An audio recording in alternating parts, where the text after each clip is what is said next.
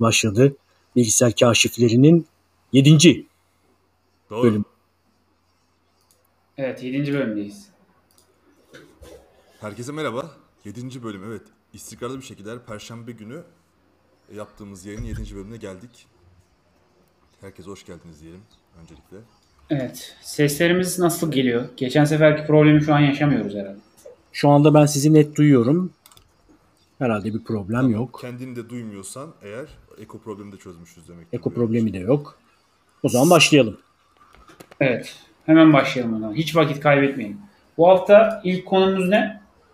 Eleştiri ile pesimizm arasındaki fark. Hemen paylaşıyorum. Pesimizm yani kötümserlik arasındaki fark. Eleştiriyle kötümserlik. Doğru. Evet. Tabii ki kim? Naval. Evet, çok basit bir şekilde yazmış Naval bu tweet'i. Ee, Türkçe'ye çevirebilir misin Emre? Ben şu an net görmüyorum. Selam Tuğba. Ee, yaratıcılık yaratıcılık olmadan yapılan eleştiri sadece pesimizmdir diyor. Eleştirmenin dürüst yolu alternatif oluşturmaktır. Alternatif yaratmaktır diyor. O kadar güzel ki bu. Yakın dönemde hatırlıyor musunuz? Kim söyledi ben tam şu an hatırlamıyorum ama Yıldırım söyledi galiba. Ee, iş yerinde birisi bir problem getirecekse yönetime önce 3 tane e, çözüm önerisi getirmesini yani üçüncü üç tane çözüm önerisiyle birlikte gelmesini istiyoruz dedi. Bence çok iyi bir fikir. Harika. Çünkü öbür türlü bir şeyin olmayacağını iddia etmek ki o bile çok iddialı bir şey bu arada. Yani sorsak onu da ispatlayamaz çoğunlukla bu kötümser kişi. Niye olmayacağını da ispatlayamaz. Birkaç tane sorgulamayla düşebilir. Yaratıcılığın olmadığı eleştiri sadece e, aşağı çeken bir şeydir diyor yani Naval. Herkesi aşağı çeken bir şey. Gerçekten bir şey yapma niyetin varsa alternatif oluştur. Hocam bu bana yani bilmiyorum bağı var mı ama şu an direkt şeyi aklıma getirdi. Mesela bir şeyle alakalı bir şeyin işe yarayıp yaramayacağını ya da işte onun aslında sebebini öğrenebilmek için doğru soru sormak çok önemli, çok kritik. Hatta işte bu first principle denilen mental model işte yani olayın temelindeki şeye inme Sokratik prensiple çalışıyor. O ne? İşte üçten fazla neden sorusunu sorarsan bir şeye aslında onun kökenindeki nedeni öğrenebilirsin. İşte burada mesela benim aklıma direkt şey geldi. Bir mesela birisi kriti, kritik ediyor, eleştiriyor. Diyor ki mesela bu böyle olmayacak. Neden sorusunu sor. Neden böyle olmayacağını düşünüyorsun mesela? Sonra başka bir cevap verdi. Yine ona bir neden sor. 3-4 kere neden sorusunu sorduğunda aslında, on, aslında onun hiçbir şeye dayanmadığını, tamamen kendi e, duygularıyla işte ne bileyim kendi hisleriyle öyle bir kritik getirdi, işe kritik getirdiği anlaşılabilir yani. Ya da ya sizin dediğiniz gibi oradan başka bir sonuca ulaşmak. Evet yani mesela evet. e, tem, tem, tem, temelsiz olduğundan öte çok daha olumlu bir sonuç çıkar ve aslında nasıl daha iyi olabileceğine dair bulgulara rastlayabilir birkaç kere neden sorusunu sorarsa. Bence Naval'ın bu söylediğini bir tane istisnası olabilir diye düşünüyorum. Şu anda e, aklıma geldi. Ya bir varlığının bizzat kötü olması e, gibi bir sonuç doğuran bazı olgular, unsurlar varsa bu ortadan kalksın denilebilir. Yani alternatif var mı? Alternatif yok. Neden? Çünkü bunun tek başına bu dünyada olması dahi kötü. O yüzden bunu eleştiriyorum denilebilir. Aslında bu da bir alternatif. Yani alternatifine olmaması. Fakat günümüzde ben en azından e, gözlemlediğim kadarıyla eleştiriler bu e, işte Yıldırım'ın şirketindeki örnek gibi olabilir. Hani bu e, yani bir şirketin gelişimiyle ilgili olabilir, politikalarla ilgili olabilir, siyasetle ilgili olabilir, her şeyle, sosyal ilişkilerle ilgili olabilir. Eleştirimizin birçoğu tespitten ibaret. Yani şu tespit, bu yanlış, bu kötü, e, bu olmamalı. Ama e, tamam peki yani sonra ne yapalım? Ya ben onu düşünmedim. Çünkü o biraz zordu onu düşünmek. Şu an daha kolay tarafındayım. Yalnızca kötü olduğunu söylemek istiyorum. E, sen bunu bil. O yükü sana e, atıyorum ama o yani bu o yükü ben de kabul etmemem lazım o halde. Çünkü yani o, aslına bakar, bakarsanız o kötü eleştiri bu tespit dahi tek başına bazı şeyler ateşleyebilir karşı tarafta ama bir e, eleştirinin yalnızca pesimistik, kötümser e, unsurdan öteye geç, geçmesi için bu kötü şöyle daha iyi olabilir, böyle daha iyi olabilir. Bu öneriyle geliyorum denmesi onu gerçekten Nabal'ın dediği gibi salt kötümserlikten ayıran e, fark olduğunu düşünüyorum ben de. Burada şey de benim çok hoşuma gitti. Yani zaten Naval'ın böyle bir şey kurması beklenir de creativity'yi, yaratıcılığı yine olayın merkezine koymuş ya bir şey üretmeyi. Yani sen bir eleştiri bile yapıyorsan oradaki o eleştiriden bile bir şey üreterek git. Yani bizim de hep söylediğimiz kaç bölümdür hep tekrarladığımız üretimi merkeze koyduğu için o üretimi merkeze koyma işi aslında karşı taraf için de muazzam bir kaldıraç yani. Evet sen bir eleştiri getiriyorsan o getirdiğin eleştiriye karşı bir şey üretmek zorundasın. Bu bakışa sahip olursan e bu seni yine üretime itecek. Yine de düşünmek şey zorunda kalacaksın. Üre- yine üretim, üretimden öte köy yok gibi oldu yani. Her şey dönüp dolaşıp iki, bence iki şey dayanıyor olabilir. Bu arada ben bunu e, bu tweetin üzerinde düşünürken bilmiyorum hocam senin söyleyeceğin bir şey var mı da düşün ya, araya girmenin arası, arası- arasına girmiş olabilirim.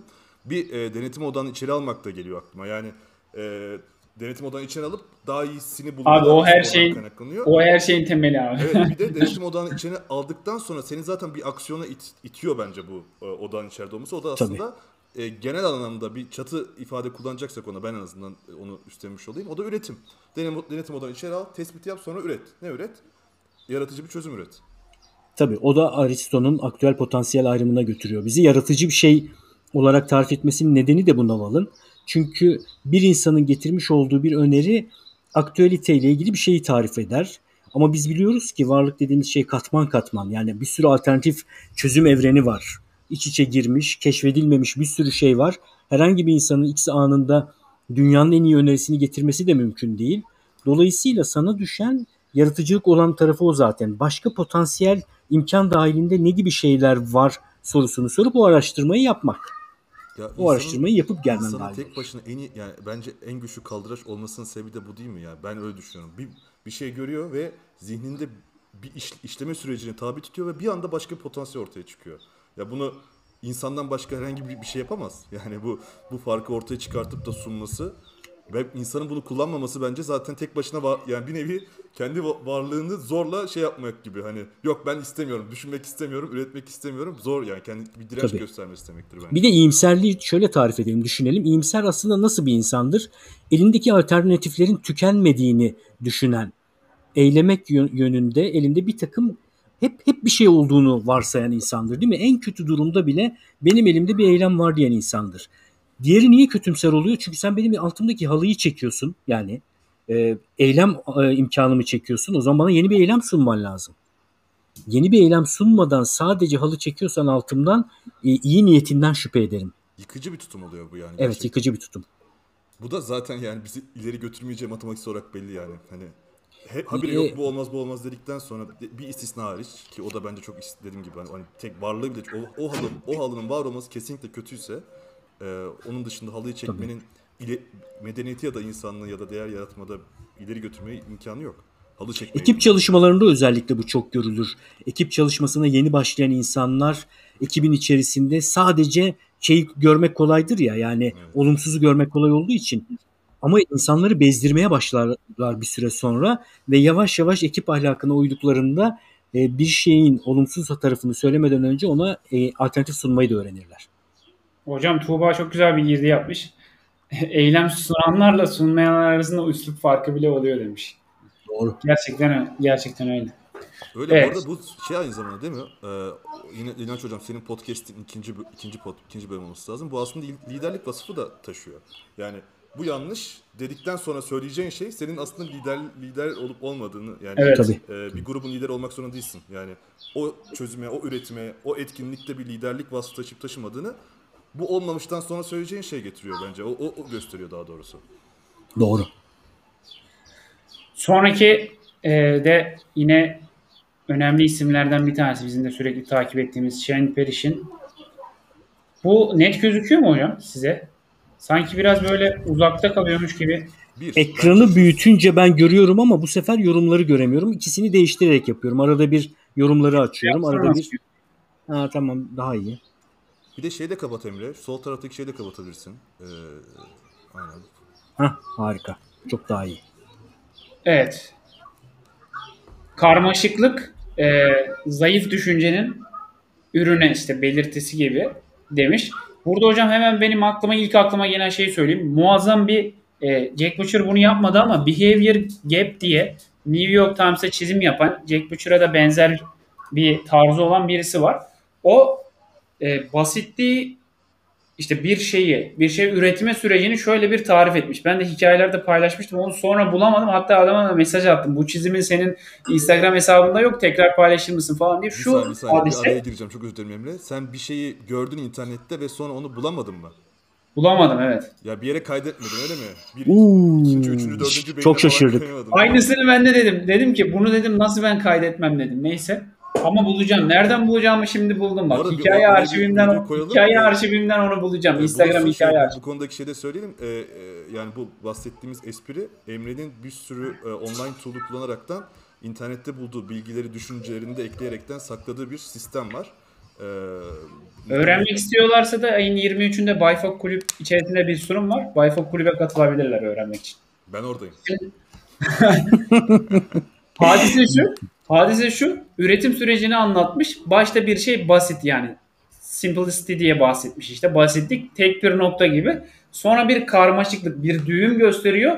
Sonra da oradan e, bir elmas basitliği gibi bir şey ifade kullanmış orada. Bir elmas basitliğinde bir şey çıkarıyor. Yani ne? Mesela biz bir düşünce e, ilk başta fikir aklımıza geliyor. Basit bir fikir. Sonra onun üzerinde düşündükçe onu karmaşıklaştırıyoruz. Sonra onu karmaşıklaştırma hadisesinden sonra da onu sadeliğe götürme çabamızla da aslında daha berrak, daha böyle elmas gibi parlayan bir sadelik elde ediyoruz. Bu açıdan bu şey yani zayıf düşünce sen bir şeyi karmaşık hale getirdiysen onun üzerinde hiç düşünmemişsindir aslında. Yani o, o şeyde bırakmışsındır onu artık. İlk hali denilebilir ona ya da ilk halinin biraz ötesi denebilir. Ama onun üzerinde düşünsen, o düşünceyi işlesen, belki farklı kaynaklardan beslesen, yorumlar getirsen, ne bileyim başkalarının yorumlarına baksan ya da onu farklı disiplinlerle birleştirmeye çalışsan, ne bileyim insan psikolojisi falan demiştik mesela geçenlerde bir işin nasıl disiplinler disiplinlerden beslendiği gibi. Aslında sen onu bir basitliğe, sadeliğe götüreceksin. Yani düşünmediğin için ya da az düşündüğün için ya da zayıf düşündüğün için onu bir sadeliğe götüremiyorsun. Bu benim direkt o aklıma getirdi. Ee, Bu Parrish'in sözündeki şu çoğunlukla kısmı önemli. Tam itiraz edecektim ki e, biraz daha iyi okudum cümleyi. Katılıyorum. Yani her zaman böyle deseydi katılmayacaktım ama dememiş zaten.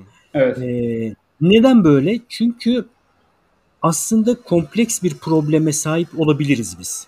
Ama kompleks bir problem olduğunu tespit edene kadar alınacak bir sürü yol var. Onun dışında derinlikli ve etraflıca düşünmediğin durumlarda elindeki problemi kompleks sanıyor olabilirsin. Gerçekten. Yani çoğunlukla o problemi başkaları daha önce çözmüş bile oluyorlar. Yani kitapları okuyabilirsin, araştırmalara bakabilirsin ve örnek alabilirsin.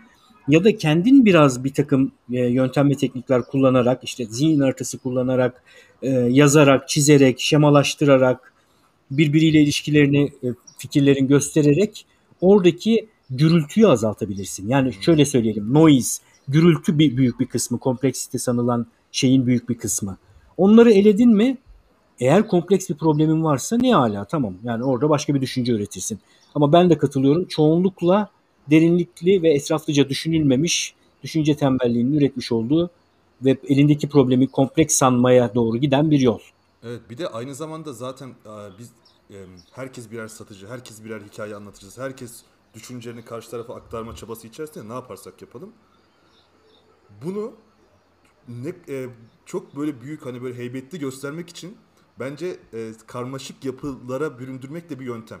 E, ucuz, basit ve an- yani çok fazla ortaya çıkan hani e, nasıl diyeyim ucuz bir yöntem aynen. Yani e, eğer sen o anlatacağın düşünceye, bilgiye hakim değilsen bunun karşı tarafça senin aslında hakim olmadığın, mahir olmadığını anlaşılmasını da istemiyorsan bence buna sarılıyoruz. Yani karmaşık anlatayım, uzun anlatayım, resim bir sürü resim kullanayım, bir sürü ifade kullanayım.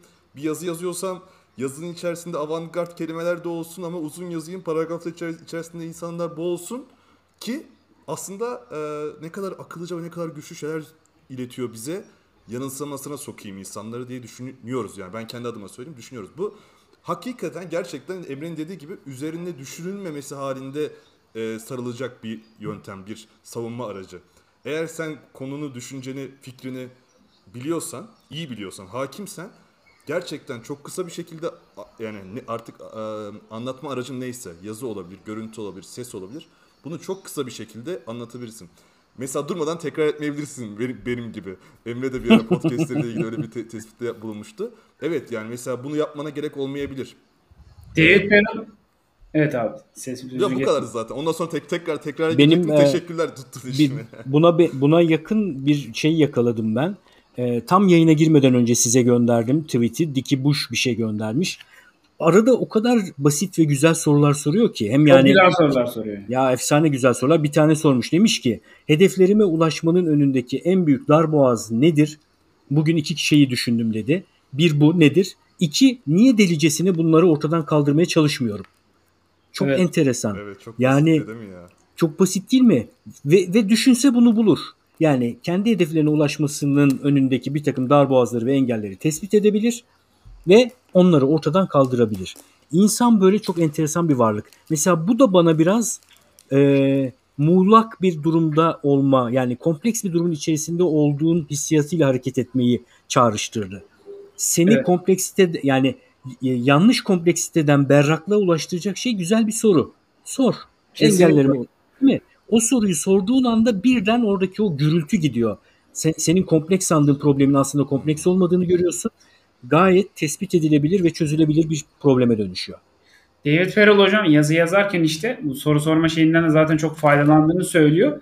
En nihayetinde de şu hissi okuyucuya vermek istiyor. O sadelik için şu hissi vermeye çalıştığını söylüyor. Diyor ki karşı taraf okuduğunda ya bu cümle ne kadar sade ifade edilmiş. Bunu ben de ifade edebilirim. Bunu yazar ne kadar kolay yazmış düşüncesine sahipse diyor. Böyle bir düşünceye sahip oluyorsa diyor ben gerçekten işimi iyi yapmışımdır. İyi bir yazı yazmışımdır diyor. Aslında olay nereden geliyor? O bir kompleksliğin içerisinden o sadeliği çıkarıyor. O, o kadar güzel sade ifade edebiliyor. Karşı tarafta diyor ki ya ne kadar güzel ifade etmiş. Ama biz işte ben bunun çok büyük bir problem olduğunu düşünüyorum. Bir hadisenin, bir şeyin, bir fikrin üzerinde bile böyle derinlemesine onu berraklaştıracak şekilde ya da Einstein'ın dediği gibi belki bir 6 yaşındaki birine anlatacak, ifade edecek şekilde düşünmüyoruz. Düşünmediğimiz için de Onur'un da söylediği bir kendimizi aslında bir tuzağa çekiyoruz. Bir karmaşıklık tuzağına doğru çekmiş oluyoruz. Ben bir tane şey... yakın dönemde e, davranışsal ekonomi üzerine okurken bir şeye rastladım. Etkinin adını hatırlamıyorum şimdi. Çeşitli bilişsel sapmalar var ya orada. Ee, insan şöyle izah edeyim. İnsanlar toplantı yaparken mesela kurumlarda e, en gereksiz konular üzerine daha çok düşünüyorlar ve konuşuyorlar. En lüzumlu olan konular üzerine ise en az düşünüyorlar. Bunun da bir adı var, bir etki adı var. Şu anda adını hatırlamıyorum. Çok enteresan. Niye diye de cevabını bulmaya çalışıyoruz. Sebebi şu çünkü insanlar böyle basit ve üzerine rahatça konuşulabilir şeyler üzerinde enerji harcamayı daha çok seviyorlar. Diğer taraf karmaşık. Onun için de orada pek vakit harcamıyorlar. Beynimiz de kaçıyor hocam bence. Beynimiz yani mesela şöyle şeyler var. Üç tane madde var toplantıda. Birisi 1 milyon dolarlık bir tesis yapılsın mı? İkincisi kahvemizi 20 dolarlık paketten mi alalım? 30 do- Buna daha çok konuşuyormuş insanlar. Yani toplantı süresi açısından kahve muhabbeti 1 milyon bir şey. dolarlık çok güzel. Leziz bir etki. Çok ya aslında inanılmaz. aslında ben bu arada Diki Boşlu'la ilgili e, bu e, konudan da uzaklaşarak ne yazık ki bir şey söyleyeceğim önemli. O Diki Bush'un soruları gerçekten insanın kendisine sormaktan kaçınmak isteyeceği sorular. Çünkü o kadar basit ki artık duvarlar kalkıyor. Yani e, sorunun üzerine gitmemek e, gitmemek dışında bir seçeneğin kalmıyor. Hayatımda e, işte istediğim yere gelmem için önümdeki zor, zorluklar ne ve ben her gün bunları kaldırmak için neden bir şey yapmıyorum? Bu soruyu so- sormak hemen üzerine artık e, yatsıyamayacağın, inkar edemeyeceğin bir yük getiriyor. Ve Diki Bush'la ilgili bir şey söyleyeyim. Onun o basit soruları var ya. Şimdi e, Diki Bush'u e, zaten e, sıklıkla anıyoruz. Ben onları... Senin adamın çünkü Diki Bush. Sürekli evet. onu önümüze getiriyorsun. bu, bu son bir, son geçen bölüm galiba yeterince promote etmedik ya da anmadık. O yüzden 5-10 dakika konuşalım üzerine. Ben o soruları arkadaşlarımın haberi yok henüz ama arkadaşlarımla bir araya geldiğimizde soruyorum. Yani so- sohbetimizin daha keyifli geçeceğini ya daha böyle e, zengin geçeceğini düşünerekten not ediyorum. Bugün diyorum mesela gidince Diki Bush'un şu sorularını sorur e, öneririm. Gayet keyifli oluyor. Şöyle söyleyeyim Onur ben nasıl bir şey yaşadım? Bir gün Dikimuş'un sorularından bir tanesi var Twitter'da. Okudum soruyu. Aynı bu şey hadiseyi yaşadım ve kendimi gözlemledim. Kaçtım sorudan tamam mı? Gerçek diyorum. Aynı bunu gözlemledim. Sorudan kaçtım yani. Soruyu Soruyu okudum sorudan kaçtım tamam mı? Üzerine düşünülmesi gereken soru. Sonra da kaçtığımı bilerek Bu sefer tekrar sorunun üzerine gittim yazdım. Bu sefer de yazdım yani. Sorunun cevabını yazdım. Çünkü niye? Yazarsam kaçamayacağım. Yazayım bari dedim. Ama gerçekten sorular İnanç Hoca'nın da dediği gibi bazı sorulardan insan bilinçli ya da bilinçsiz bir şekilde kaçıyor yani. O onun kendisine yük olabileceğini ya da o sorunun cevabını verse aslında hiç de hoşuna gitmeyen bir şeyin içerisine gireceğini bildiği için o sorudan kaçıyor yani. Yani e, girişimciliğinde, yöneticiliğinde iyi bir insan olmanın da büyük bir kısmı nereden geçiyor? Bu böyle kestirmelerden, beynimizin bizi yönelttiği bir Evet. takım şeylerden kendini kurtarabilmekten geçiyor. Tanıyacaksın insanı ve kendini. Bir şey Evet. söyleyeceğim. Ee, bir öncelikle Emre bu senin ya- yazarak o soruyla e, karşılaşma yani yüzleşme ihtima yüzleşmeme ihtimalini ortadan kaldırma yöntemin harikaymış. Yazıp gerçek dünyaya bir şey koyuyorsun artık tamam diyorsun. O soruyla ben baş başa kalacağım. Bunun kaçışı yok. Bence harika bir yöntem. Hocam e, bu senin söylediğin yüzleşme diye onu ben şey yapacağım. Bir şeyle insanın yüzleşmesi gerekliliği diye e, kendimce onu değerlendirdim. Bunu e, Tim Ferriss'in e, podcast'ine konuk olan e, Jerry Seinfeld söylüyor. Hayatı, hayatta diyor önereceğim bir tane diyor şey varsa taktik mi diyeyim artık yani sorunlarla ilgili yüzleşme. Şeyi soruyor 9, 9 sezon boyunca nasıl bu kadar sorunsuz hiçbir problem olmadan e, Seinfeld dizisini yönettiğiniz sorusunun cevabını verirken e, verdiği cevabı birazcık yani soruyu birazcık daha genişletiyor Seinfeld. Hayatla ilgili bir öneride bulunacağım diyor. Tek kelime İngilizcesi galiba confrontation olması lazım. Konfront etme yani yüzleşme. E, bu bu e, bu cesareti, bu enerjiyi taşıyıp onu yüzleşme eylemiyle e, taşlandırınca evet yani kaçış yok, yapacak bir şey yok, kaçamayacaksın. Aynen. Fa- Fatih çok güzel bir girdi yapmış. Soru soran cevaptan kaçamaz diye bir Afrika atasözü var demiş. Afrikalılar çok iyi bu konuda ya. Aslanın kaplanın kuyruğunu tuttun şimdi bırakma diye de bir sözleri var. Çok sevdiğim yine. Fatih'e teşekkürler bu arada güzel şeyler söylemiş podcast ile ilgili. Tuğba'ya teşekkürler bültenle ilgili güzel şeyler söylemiş. Cem'e teşekkür etmiyorum Cem güzel bir şey söylememiş. Sadece yayınlar demiş. Daha daha güzel şeyler bekliyoruz Cem. Evet. Şimdi bu konuda gerçekten muazzam bir konu. Hikaye anlatıcılığıyla alakalı, hikaye anlatıcılığıyla alakalı zaten bu aralar bayağı yazılıyor. Geçenlerde e, süper hikaye anlatıcılığın bir süper güç olduğuyla alakalı bir Sahil Bulum'un şeyi var işte. Nasıl okunuyor onu da bilmiyorum da Sahil Bulum diye okunuyor herhalde. Gü- güzel bir seri yazmış. Prensiplerden bahsetmiş. Geçenlerde e, pazarlama trendleriyle alakalı bir şey okurken her sene böyle belli aralıklarla pazarlama trendlerinden bahsetmişler.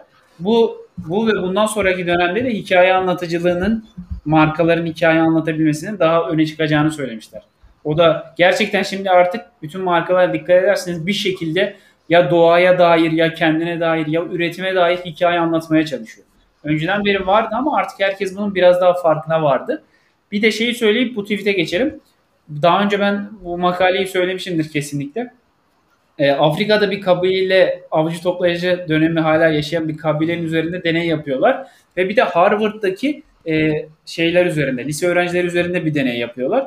Bu iki deneyin amacı şu. İnsanlar lider vasıflı kişilerin mi etrafında toplanıyor yoksa hikaye anlatıcıların, hikaye anlatan insanların etrafında mı toplanıyor? Makalesi de var. Unutmazsam eklerim anlatırım.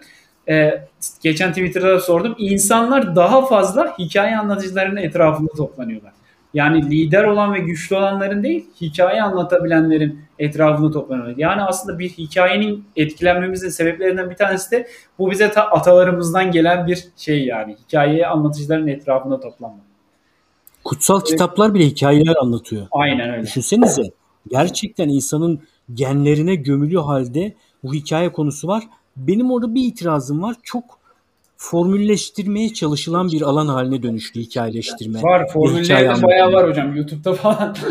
Evet. Orada ben genel mantığını anlamanın da değerli olduğunu düşünüyorum. Hemen formüllere sarılmadan yani iyi hikayelere ulaşmak, iyi hikayeleri dinlemek, okumak, e, bir kere edebiyatla uğraşmak, biraz o hikayenin ruhunu anlamak, ondan sonra formüllere gitmek daha doğru olacaktır.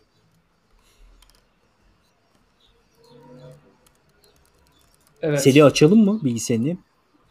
Açalım hocam. E, açma imkanı varsa paylaşıyorum. Bu arada bu tweet, e, thread hmm, ya da bilgisayar ha, e, o kadar e, uçtu ki yani habire karşıma çıkıyor. E, ne zaman? Ya şöyle- 4 gün olmuş.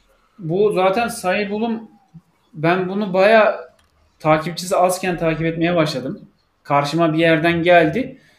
Twitter'da şöyle bir şey var. Keşke biz de böyle bir etkiyi oluştursak yavaş yavaş oluşturacağımızı düşünüyorum. Bu insanlar böyle içerik üreticileri birbirlerini öyle muazzam destekliyor ki.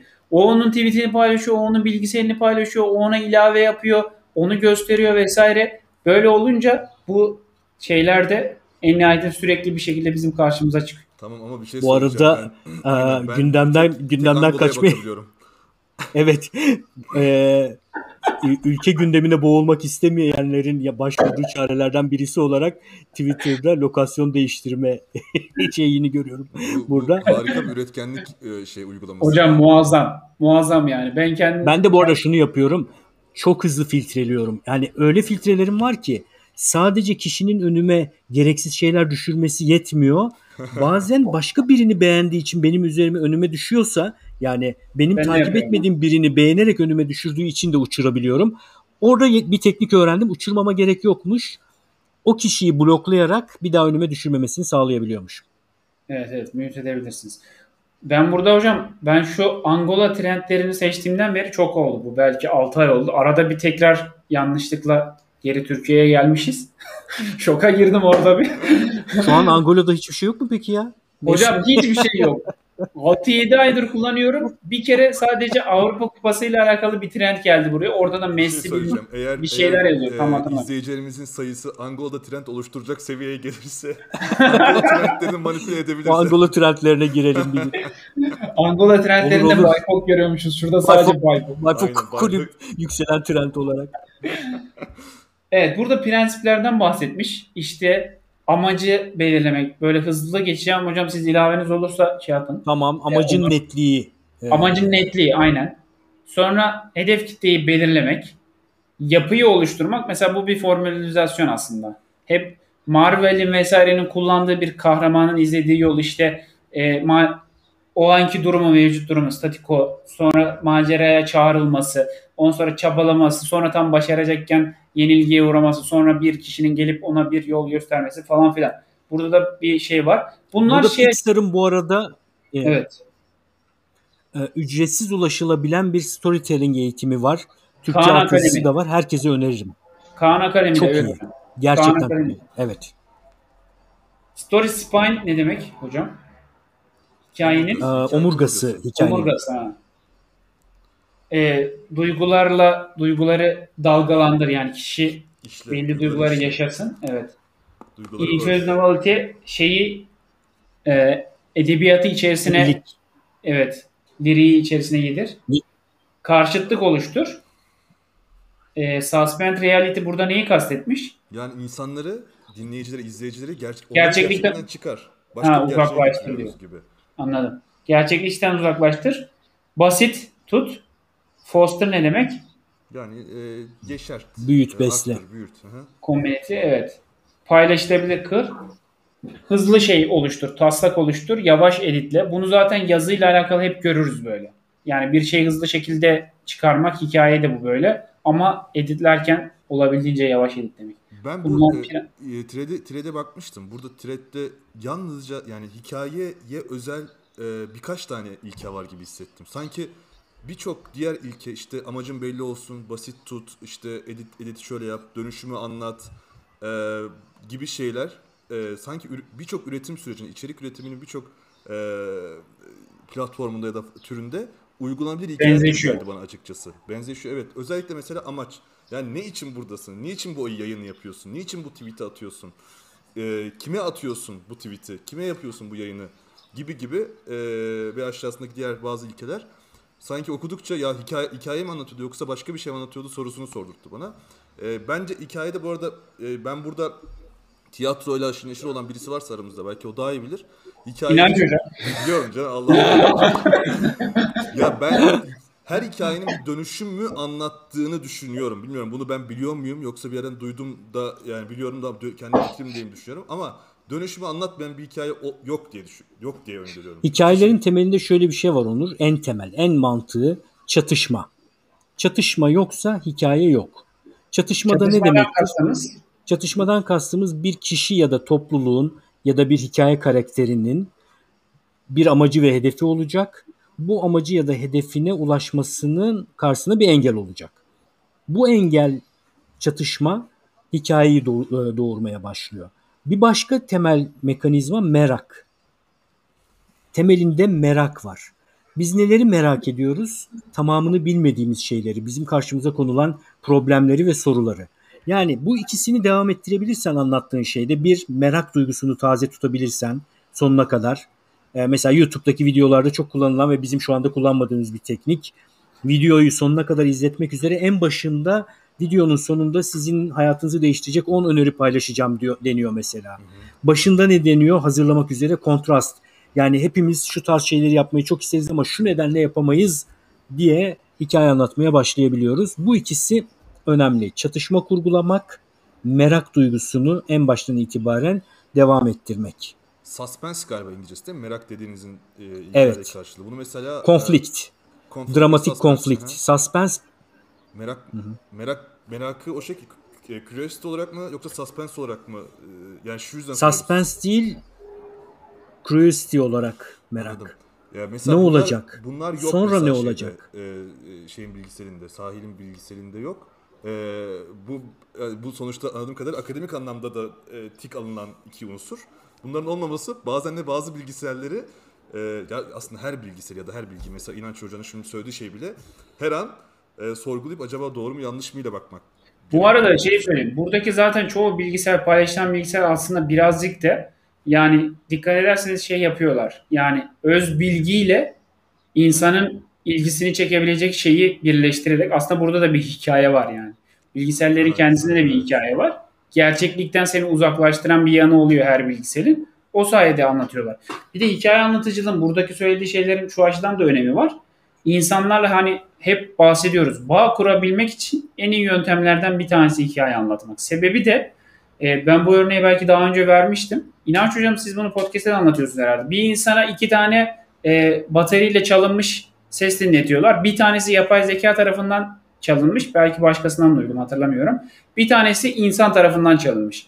İnsanların hoşuna insan tarafından çalınmış olan gidiyor. Neden? Kusurlu. O beklemeler arasında sen şeyi vururken baterinin şeyini vururken onun ismi neyse unuttum şu anda. Onu vururken beklemelerin belirsiz yani. Kiminde belki bir saniye bekliyorsun, kiminde 1.3 saniye. Ama yapay zeka hepsine sabit aralıklar. Dolayısıyla bir kusur var. Biz neyi seviyoruz? Kusurlu olanı seviyoruz. Hikayelerde ne var? Hikayelerde de kusur var. İniş çıkış var. İnsan hata yapıyor. Bazen çok başarılı, bazen çok başarısız. Mesela Marvel karakterlerine falan neden ilgi duyuyoruz? Onların da aynı şekilde kusurları, yapamadıkları, başarısız oldukları inişleri, çıkışları var. Bu açıdan da biz e, bu içerik üreticisi de olabiliriz. Hedef kitlemizle bağ kurmak istiyorsak biz zaten çok, genelde hep içerik üreticilerine hitap ettiğimiz için bu şeyi insanlara göstermeliyiz yani. Kusursuz bir profil çizmek içerik üreticileri için iyi bir şey değil aslında. Yani evet sen hata yapıyorsun. Bak ben böyle böyle hatalar yaptım. Şöyle şöyle dersler çıkardım. İnsana karşındakine kendinin insan olduğunu aslında göstermen lazım diye düşünüyorum. Tabii. Bu da bir de hikaye anlatıcısı insanın bir sürü mekanizmasında kullanıyor değil mi? Sen bir tanesini söyledin eksik tamamlama. Yani evet. beyin boşluk bırakmıyor bir şekilde tamamlıyor. Sen bu boşlukların nasıl tamamlanacağını iyi kurgularsan karşı tarafa iş yaptırıyorsun. Aslında bizim yaptığımız karşı tarafın ruhunda, zihninde bir hareket oluşturmak. Bir de ne var? Evet. İnsanlar empatik varlıklar. Evet. Yani başkalarının yaşadıkları durumlar üzerinden duygu üretebiliyorlar. Aynen. Bir de duygu ürettirebilirsen yani özdeşleştirebilirsen o insanları bir böyle duygusal şeyin içerisine sokabilirsen bunun içinde inandırıcı olman lazım. Bir karaktere inandırman lazım. Amaçlarına, hedeflerine inandırman lazım. Onunla özdeşleşmeleri lazım. Ve dediğin gibi bir takım boşlukları onların kendilerinin tamamlamaları lazım. Bunları sağladığında tam böyle beyin hack. Yani bir evet. hikaye beyin hacklemek gibi. Bu son son söylediğin empatiklik bana şeyi çalıştırdı. Hani bir e, ürünün insana yakın olması lazım ya aslında pazarlama da başarılı başarılı e, bir pazarlama yapabilmek Onur senin sesin biraz daha az geliyor abi. Okay. Evet biraz azaldı sesin. Sen açmaya çalışabilir misin Emre? Sanki orada benim sesimi açabileceğim bir şey olması lazım. Senin sesini açtım. Şu an daha iyi mi? Biraz daha iyi. Tamam o zaman ben şöyle yapayım.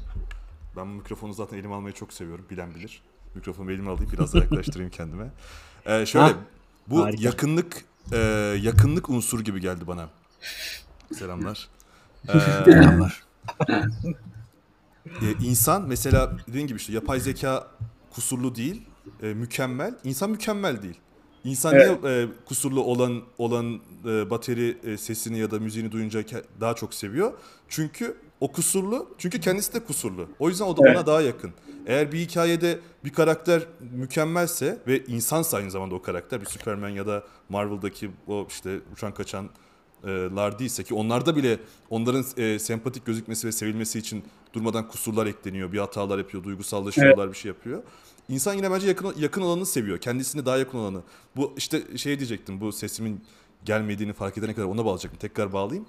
Ürünlerde de öyle değil miydi? Hani konuşmuştuk. Hani daha önce gördüğü, tanıdığı, bildiği, kendisine yakın hissettiği şeyleri e, pazarlarsak işimiz birazcık daha kolay oluyor aslında. Ama Evet. hiç, hiç bilmediği, kendisine uzak ve tanımadığı bir şeyse işimiz biraz daha zor pazarlamada. Evet. Ve bu son son olarak şunu da söyleyeyim. Aslında bu hikaye anlatıcılığı her yerde, her aşamada kullanılabilecek bir şey. Yani bir markanın ürünü hikayesini anlatması ya da bir içerik üreticisinin e-maille, müşterileriyle ya da işte onu izleyenlerle, dinleyenlerle bağ kurması için her şey için kullanılabilir ve en kolay metot olduğu için yani şu mesela direkt önümüzdeki bir örnek olduğu için. Biz inanç hocayla mesela kurduğumuz bağı nasıl hızlandırdık? Ben net bir şekilde söyleyeyim. Bir inanç hoca kendi hikayelerini iki Ediz'in hikayelerini anlattığı için bağ kurduk yani. Orada temel bir şey var. O yüzden böyle bir kitle oluştururken de hep burada bahsettiğimiz şeylere bağlı, bağlı olduğu için anlatıyorum. Biz bir kitle oluşturmak istiyorsak o kitleye hikaye anlatalım. İçimizden hikaye anlatalım, ne bileyim çocuğumuzdan hikaye anlatalım, başkalarından hikaye anlatalım ve bu sayede aslında salt bilgiyi hikayenin içine yedirerek nasıl ki bir çocuğa bir şey öğretmek isterken sen ne yaparsın onu hikayenin içerisine yedirirsin. Hikayeler zaten bunun için vardır. Hedef kitlene de bir şey anlatırken ya da bir ürünü pazarlarken onu hikayenin içerisine yedireceksin aslında. Yani ona doğrudan bir şey sunmaktansa ya da doğrudan bir yere götürmeye çalışmaktansa onu bir hikayenin içerisine katarak götürmenin daha sağlıklı olacağını düşünüyorum. Evet. Sen Sonra- hikaye, hikaye kullanıyor musun bu arada Emre? Ben senin tweetlerini çok sıkı takip ediyorum. Ben hikayeleri az kullanıyorum. Twitter'da benim şöyle bir eksiğim var. Bu da öz eleştiri olsun. Ee, aslında e, şey yapmıyorum yani böyle hayatımdan şeyleri biraz az kullanıyorum ama özellikle birkaç tane projemizi anlatırken çok kullandım onları hikaye anlatıcını ve onlar bayağı ilgi çekti. Evet. Ama az kullanıyorum. Ee, evet şu tweet. Bu gerçekten çok güzel bir tweet ya. Onur hemen senin şeylerini alalım. Diyor ki küçük patatesleri e, azımsama, küçümseme diyor. Evet. Ya şu an şu an diyor küçük patatesleri küçümsememe çağındayız. This is our era diyor. Öyle Ee, yapalım. aslında altındaki altındaki tweet de e, biraz onunla onunla ilgili de içerik üretmeyle ilgiliydi. Ee, burada ne var? Görselde. Görseli büyütsene tık, tıklasana Emre bir. Görsele tıklasam o sizinle paylaşmıyor onu. Tekrar. Öyle mi? Tamam o zaman. Nasıl nasıl? Bir dakika şöyle. Şöyle yapacağım. Hop. Hah. Harika Harika. oldu. Çok güzel. Yani evet çok iyi. Ee, bu arada şöyle başlayalım önce.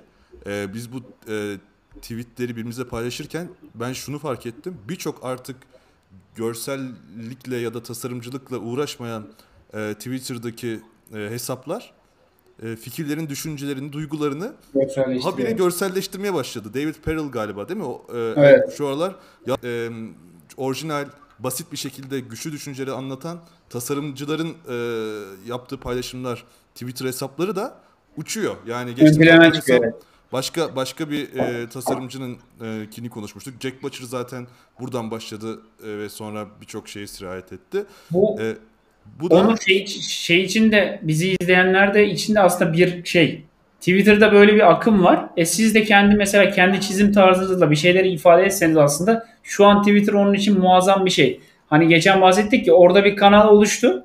Alın o rüzgarı Aynen. yani o rüzgarı alıp ilerleyin yani. Ben burada kendimden de bir şey söyleyeyim. Bu resim üzerine konuşacağız herhalde süre bitmeden ama bir şey söyleyeyim. Ben de e, bu bir akım olduğunu herhalde anlayarak, bilinç, yani bilinçli bir şekilde anlayaraktan günlük e, alışkanlıklarıma, rutinime şunu ekledim. Her gün bir şey çiz. Her gün e, kalemle, kağıtla ya da... Bugün e, ne çizdin abi? ee, bugün ne çizdim? Bugün bir el, el ile birisinin taşınmasını çizdim. Birisine yardım etme yani bir- ya- birisine yardım etmenin e, önemini anlatmaya çalıştım. Bir şey çizdim. Ha desen ki bunu paylaşır mısın? Bir zaten paylaşmam şu anda.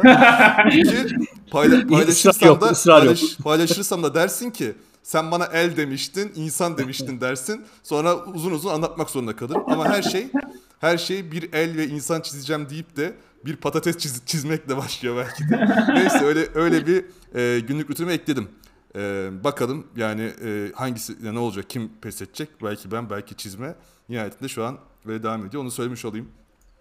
E, Burada bu... e, yaratıcı ekonomisi yani üreten ya da üreticinin ekonomisini e, ve dünyasını anlatıyor. Biz de bu dünyayı çok yakından yaşıyoruz. Bayfok Kulüp'te de insanları bu dünyaya sokmaya çalışıyoruz. Ya ne değil mi? Yani üret üretin, içerik üretin, paylaşın diyoruz. Burada yaz, konuş, yarat, inşa et, yap gibi bir takım şeyler koymuş. Bütün bu eylem biçimlerini yapıyor olman lazım ki bu üreten üreticinin sahip olduğu ekonomiye sahip olabilesin.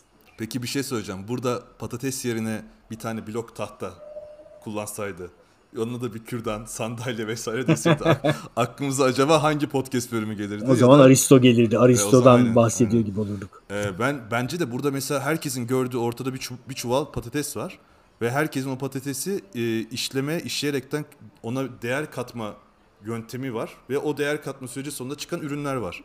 E, gerçekten de bir fikir, bir düşünce, bir ok- okunan kitap, izlenen filmden sonra yazı da yazabilirsin, onun üzerine konuşabilirsin. E, başka bir e, film ürete, üretebilirsin, inşa edebilirsin. Ama bu, ya bunları yap, yapmalısın zaten. Patatesi öyle bırakırsan e, bu e, ekonominin içerisine giremezsin. Yaratıcı olamazsın. Yaratıcı sıfatını taşımadıktan sonra bu bu ekonomide yaratamazsın. Yani onun kapılarını aralayamazsın bile. Ben şöyle düşünüyorum. Burada bu gerçekten böyle insanın hayatına dahil etmesi gereken bakış açılarından bir tanesi. Mesela iç odak bizim hayatımızı muazzam değiştirdi ve etkiledi ya. Yani iç odak gerçekten az az da çok belki hayatımızda yapıyorduk ama farkında olmadığımız bir şeydi. İç odak hayatını değiştirdi. Bu bakışta yani ne demek bu? Ben buna şey diyorum. Tükettiğini üretime dönüştürme bakışı. Tükettiğin her şeyi bir şekilde üretime dönüştürme bakışı olması lazım. Bu bakış da kesinlikle insanın hayatını değiştire, değiştirebilecek bir şey. Daha önce örnek vermişimdir belki Stripe mesela ne yapıyor? Diyor ki bütün çalışanlarına kardeşim diyor dokümente edeceksin diyor. Süreçlerini dokümente edeceksin, yazdığın her şeyi dokümente edeceksin. Şu an Stripe mesela bu konuda dünyada çok öncü firmalardan bir tanesi mesela. İnsanlar, çalışanlar süreçlerini dokümente ediyor. Biz mesela ben de son işte iş alımla alakalı bir deneyimimiz olduğunda hep insanlara bunu soruyorum. Dokümente etmeyi, yazmayı vesaireyi sever misiniz falan diye. Ama insanların bu bakışa sahip olması ne demek? Sizin tükettiğiniz herhangi bir şeyi kendi bakış açınızla ve kendi süzgecinizden geçirip farklı bir şey ortaya çıkartmanız. Bu, bu İnanç Hocam bir eğitimde anlatmıştı. Eğitimcinin eğitimi olabilir. Mesela böyle bir kutu düşünün. O kutunun içerisinde ne olduğu belli değil. İnsan olarak o kutu aslında her insan için farklı bir içerisinde mekanizmalar var. Yaratım mekanizmaları var. O kutunun içerisinde sen bir şey alıyorsun. Mesela diyelim ki Onur Fight Club'ı o kutunun içerisine alıyor. Sonucunda bambaşka bir şey çıkarıyor. Bir podcast çıkarıyor. Podcast içerisinde değişik dersler çıkarıyor. Emre Fight Club'ı o kutunun içerisine alıyor. Oradan bambaşka bir şey çıkarıyor. E biz hepimiz zaten farklı bir kutuyuz. O zaman ne yapmamız lazım? Şu kutunun içerisine aldığımız şeyi orada bırakmamak lazım. Oranın içerisinde kalmasın. Onu biz dışarıya kendi zaten kendimiz bir farklılığız hepimizin üretme süreci, dünyaya bakış açısı perspektifi farklı. O zaman o kutunun içerisinden bize bir varlık oluşturabilecek şeyleri dışarıya çıkaralım. İnsanlara sunalım. Yani tükettiğimizde kalmayalım ve her zaman onu bir üretime dönüştürelim. Harika. Kutu çok iyiymiş gerçekten. İnanç hocamızın eğitim eğitimci eğitim olması lazım. Eğitimci eğitim. Evet evet oradayım. Evet eğitimci eğitiminde anlatmıştı bu bu bakış açısını ta, taşımak her zaman için kolay değil ama her zaman için çok keyiflidir eminim. Yani tükettiğin herhangi bir şeye ben bunu nasıl e, e, bir üretim e, sürecine ve sonunda bir de, değere e, dönüştürebilirim sorusunu sormak evet enerji istiyor ama ama ama keyifli. Ya şöyle söyleyeyim abi biz mesela bu ürettiğimiz projelerden bir tanesini Hasan Hasan da buradan Hasan'a da selamlar. Hasan bir tane işi aldı. Yani bu bakış gerçekten çok önemli. Bir tane ürün satın aldı. Aldığı ürün satın aldıktan sonra ilk kendine şu soruyu sormuş. Yani takdir ediyorum onda. Demiş ki ben bunu tükettikten sonra ya 30 günlük YouTube videosu çıkarırım buradan. tamam mı? Ya 30 günlük YouTube videosu çıkarırım ya da bunu bir şekilde üretirim demiş. Biz oradan projeyi çıkardık abi. Oradan bir proje çıktı. YouTube şeyi çıkmadı ama bir şey üreteceğiz deyip oradan bir proje çıkardık yani. En nihayetinde herkes her hayatında böyle bir şeyi bir şekilde varlığa dönüştürebilir yani. Belki Jack Butcher da böyle yaptı. Yani belkisi değil öyle yaptı. Yani tükettiği o varlıkla alakalı şeyleri bir şeye dönüştürdü. İnanç Hoca'da mesela podcast üretimi. Bunların neye sebep olduğunu, sonucunda neye sebep olduğunu görmek muazzam bir his yani. Acayip bir yere gidiyor ama işte or- oraya götürmek onu ve bu bakış açısına sahip olmak biraz şey, zahmet istiyor yani. Evet, şimdi hangi tweet'i paylaşayım? Şöyle yapalım. Doğru. Se- Selim Arslan'ın e, mes- be- ben de katılıyorum. Kutu benzetmesi benim de aklıma fonksiyonlara getirdi. Bir şey atıyorsun. bir anda Fonksiyonlara benziyor fonksiyon- zaten. Matematikten fonksiyonlar evet. Selamlar Bekir. Arada chatte de söylenen şeyler var. Seth Godin güzel anlatıyor demiş. Tuğba. Anlattığınız Dünya- hikaye ile sizin hitap etmek istediğiniz kitlenin dünya görüşüne sahip insanlara ulaşırsınız. İnanç hocam hikaye anlatıcılığı için kimi önerir acaba? Ben Pixar'ın filmlerini kesinlikle öneriyorum. Bir de Pixar'ın Kaan Akademi'deki hikayeleştirme eğitimini. Aynen. O eğitimi aldıktan sonra Pixar filmlerine bir de o gözden bakmayı öneriyorum. İnanılmaz efsane işler. Bu arada hocam e, galiba sizin bir kısa film ya da uzun metraj bir hayaliniz mi var, fikriniz mi var? Kısa filmim var, uzun metrajda hayalim var. Kısa 34 isminde bir kısa filmim şu anda YouTube'da izlenebilir durumda. Harika, tamam. Evet ben izledim hocam. Çok güzel. Nereye Ee, geçiyoruz? Şimdi Onur sence hangisine geçmeliyiz? Onur'un biraz destek alalım. Gamification mı? Bence şuna geçelim hocam. Neden? Tamam. E, DOM bu Fest, Fest diye bir e, şey var. Şirket var. Bunlar ne yapıyor? Tek tıkla e, ödeme yapabilmek için firmalarla anlaşıp onlara Fast Checkout adında çok güzel bir pazarlama faaliyetleri var. Takip edebilirsiniz. E, bir ödeme kanalı oluşturuyorlar. Sen gidiyorsun bir kere sadece bütün alışveriş kredi kartı bilgilerini giriyorsun. Sonra siteye girdiğinde sadece tek bir tıkla siparişi sonucu götürüyorsun. Tamamlıyorsun. Amazon bunu bir nebze şu anda yapıyor. Kendi bünyesinde yapıyor. Bu sahip bu şeyin kurucusu ve CEO'su Don denen kişi ne demiş? Hire people so good that you don't have to follow up to check if things get done. Yani işte iyi insanları işe ararak o bir işin yapılıp yapılmadığını kontrol etmek zorunda kalma gibi bir şey söylemiş. Ben, yani ben buna fark- ben buna minik bir itirazda bulunayım. Evet. Ee, şöyle bence iyi insanları işe almak evet istenilen şey. Yani e, her şey her şeyin harika olduğu bir dünyada senin de mükemmel bir işe alımcı olduğun bir dünyada iyi insanları işe alırsın ve kötü insanlarla karşılaşma ihtimalin olmaz. Ama böyle olmuyor.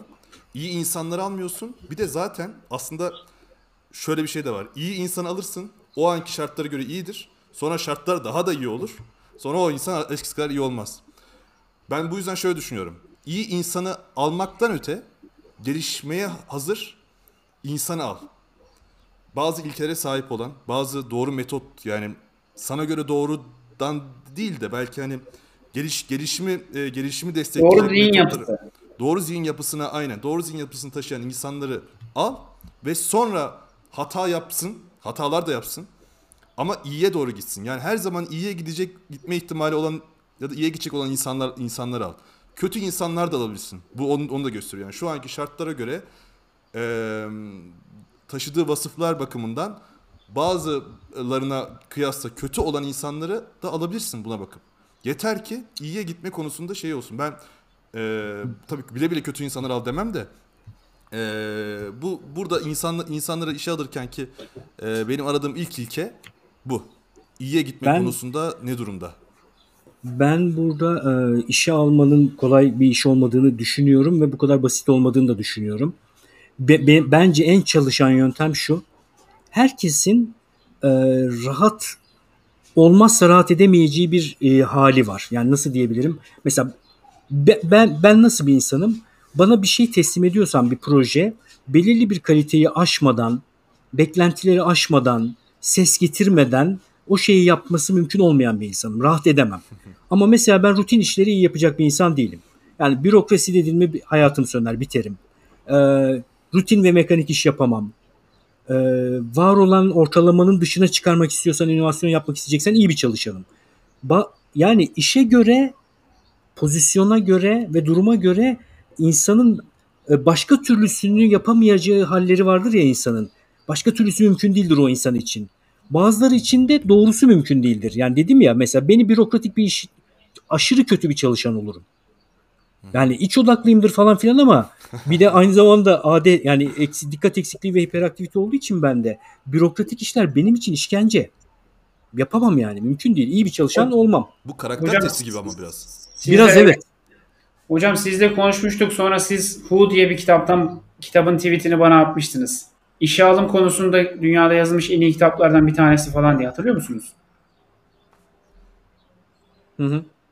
O kitabın hocam ben işte o kitabın sample'ını indirdim. Kindle Kindle'da şey yapabiliyorsunuz. Amazon'dan kitabın örneğini indirebiliyorsunuz. Bayağı da bir şey Hemen, şey okuyorsun sample'dan bir de. Evet sample'dan birazını okuyorsun. Kitabı okudum. Kitabın başında çok güzel şeyi ifade etmiş bu söylediğinizi. Diyor ki iş hayatındaki kararların çoğu diyor. O aslında hepsi demiş ama ben onu mantıklı bulmuyorum. What decision değil who decision'dır diyor. Tamam mı? Yani sizin dediğiniz gibi bir işle bir kişiye eşleştirirsin aslında. Ya da o kişiyi o görevle eşleştirirsin diyor. Who decision verirsin orada diyor. Güzel katılıyorum ama bu tweette alakalı da şuna katılmıyorum. You don't have to follow up'a katılmıyorum. Buradaki you kim bilmiyorum. Sen ya da sistem. Ben her zaman bir şeyin insanları takip etmesi gerektiğini düşünüyorum. Ne? Bu sen olmazsa sistem olur. Mesela sistem der ki ona her gün sorar. Mesela bizim kullandığımız sistemde bu var. Her gün mesela Basecamp tool. Her gün mesela sen bugün ne yaptın kardeşim? Yarın ne yapacaksın? Bağımsız yani. Senden bağımsız bir şekilde ona soruyor. Sen onu takip etmiyorsun ama sistem onu takip ediyor. Follow up yani böyle iyi insanı işe alıp sonra gözün kapalı şey gibi yani. Havacılıkta vardır böyle füzeler vardır. Fire and forget denir o füzelere. Atarsın ve unutursun. Arkana bakmazsın o füze hedefe gider. Fire and forget çalışan bulmak zor abi. Öyle bir şey yok yani. Sen öyle bir sistemde düşünmeyeceksin. O ideal böyle sürtünmesiz ortam falan diyorlar ya. Öyle bir şey yani. Ama sen onu takip edebilecek ya da onu izaya sokabilecek demeyeyim de ona işi hatırlatacak sistemler kurmak zorundasın. Onu kontrol edecek yapılar oluşturmak zorundasın diye düşünüyorum. Yani ben ben de ben de şimdi sen şu, şey deyince e, her seferinde follow up e, yapma yapmak gibi bir e, önerinin gelmesine ben de karşıyım.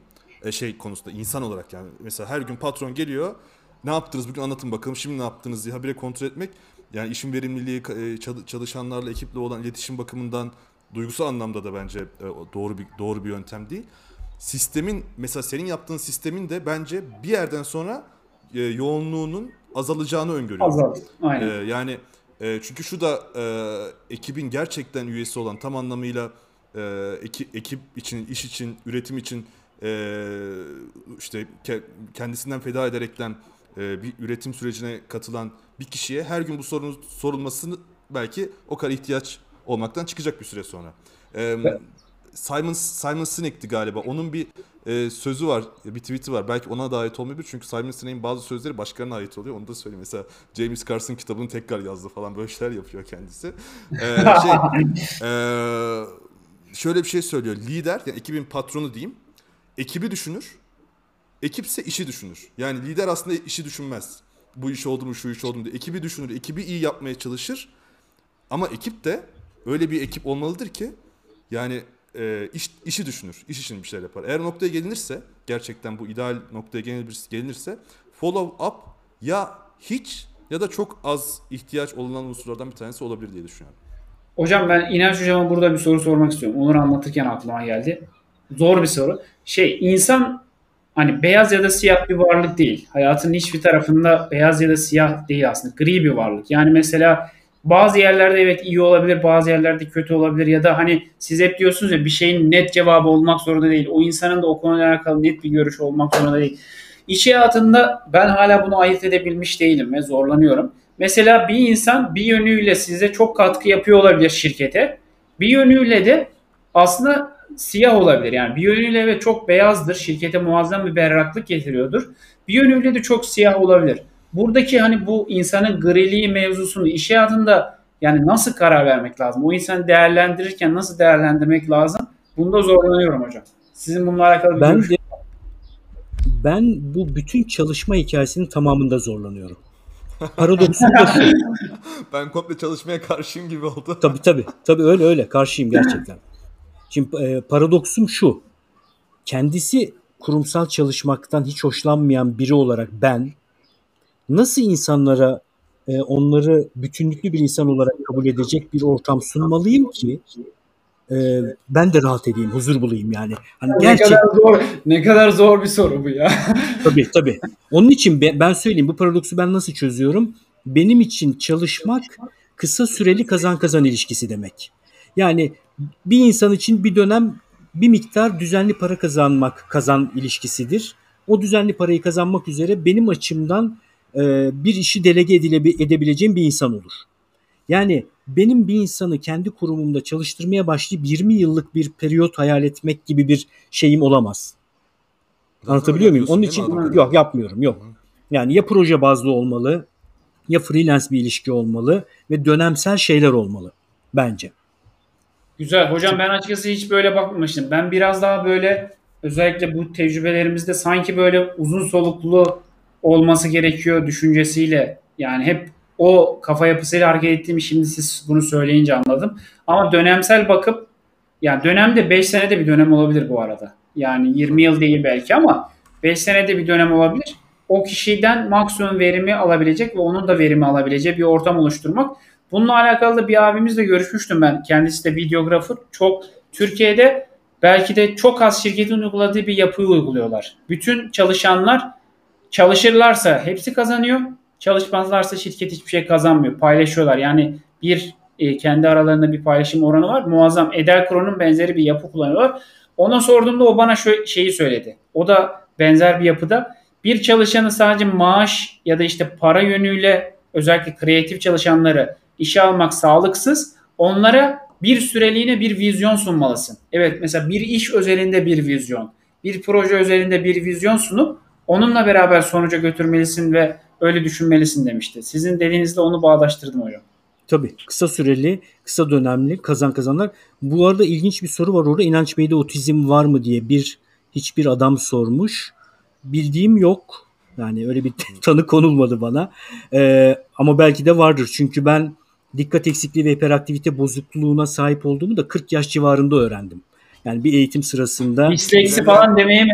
Bence disleksi ya da yani? HDH, e, e, ADHD var ya hocam onu demeye çalışmış olabilir belki. belki de. Ee, bir de Fikri Tesisat mail adresini kullanıyor musun demiş Tayfun. Evet kullanıyorum. Ee, bugün attığım maili bana bugün sorduğun için Tayfun e, biraz hızlı hızlı bir geri bildirim beklemiş oluyorsun. Ee, bakıp cevaplarım. Hayır hayır, bence geri bildirim beklemiyor Tayfun. Yani yalnızca mail attım hani o- yoksa başka bir atayım diyor. Aa, Öyle, ulaşıyor o öyle zaman. diyordur yani. Hocam Aykut'ta şöyle bir şey Onur Tayfun Tayfun ismiyle Tayfun benim. Evet Tayfun benim. Bunu açıkla abi. Eşine hocam arka taraftan yorum yazdırmış. Az önce gülücük attım haberiniz olsun. Gülücükten tanıdık zaten seni. Şirket kültürüne ve işe uygun kişiyi hemen işe al mümkün değilse kültürü öncül. Evet. Kesinlikle. Yani Güzel, Çok güzel söylemiş hocam. tutuma tutum öyle bir şey derler ya tutumuna bakarak işe al. Tutum en önemlisi. Tutum iyi ise gerisini halledersin. Ee, ben bu süremiz bitti ama bu şeyle ilgili bir mm, eleştirimi park edeyim. Neye park edeyim? Ee, bu İnanç Hocam senin sisteminle ilgili sonsuz bir sistem olmuyor. Yani senden çıktığı anda aslında her ne kadar yönetimi de delege etsen sistem bitiyor. Ama mesela az önce Emre'nin e, e, şey yaptığı, konuştuğu e, sanırım ar- arkadaşın iş sahibi kendisi. Onun sistemi anladığım kadarıyla dönen bir sistem. Yani kendisinden bağımsız devam edebilecek bir sistem. Bunu bir kısaca söyleyeyim. Belki sonraki po- podcast'ta, benim bunlar podcast diyorum, bölümlerde bunlar hakkında konuşabiliriz diye düşünüyorum belki de. Harika. O zaman e, her zaman olduğu gibi bize nasıl ulaşabileceklerini söylüyoruz. Bir kere bu arada Notion'da bizim çok güzel bir sayfamız var. Bütün bölümlere ve bölümlerde geçen tweetlere oradan ulaşabiliyorsunuz. Her YouTube videosunun altına o şeyi koyuyoruz. Notion sayfasını. Oradan ulaşabilirsiniz. Gerisini Emre Yani- hallediyordu. Evet. İnanç hocamıza Twitter'dan ulaşmak için İnanç Eyer, bana Twitter'dan ulaşmak için Eyle Doğaner, Onur'a Twitter'dan ulaşmak için Onur Olgun 3 N ile ulaşabilirsiniz. Ayrıca burada bahsettiğimiz üreten insanların arasına dahil olmak, kaldıraç gücü yüksek fikirlerle tanışmak için de Bayfok kulübe üye olabilirsiniz. 23 Temmuz'da da nasıl dijital araçları kullanarak daha üretken olabiliriz? İkinci bir beyin inşa edebiliriz ve kenara kaydettiğimiz hiçbir şeyi unutma, unutamayız abi. ve, ve eğer unutursak Arada da bir iki tane kaçabiliyor yalnız. unutursak da çok büyük istisna olduğunu e, öngörebiliriz ancak o sebeple. adlı sunum var. Kesinlikle katılmanızı öneriyorum. Çok keyifli bir sunum. Ben anlatırken dinleyenler dinlerken keyif alıyor. Güzel olacağına inanıyorum. O zaman Görüşürüz. Görüşmek üzere. görüşürüz. Kendinize iyi bakın. Bay bay görüşürüz.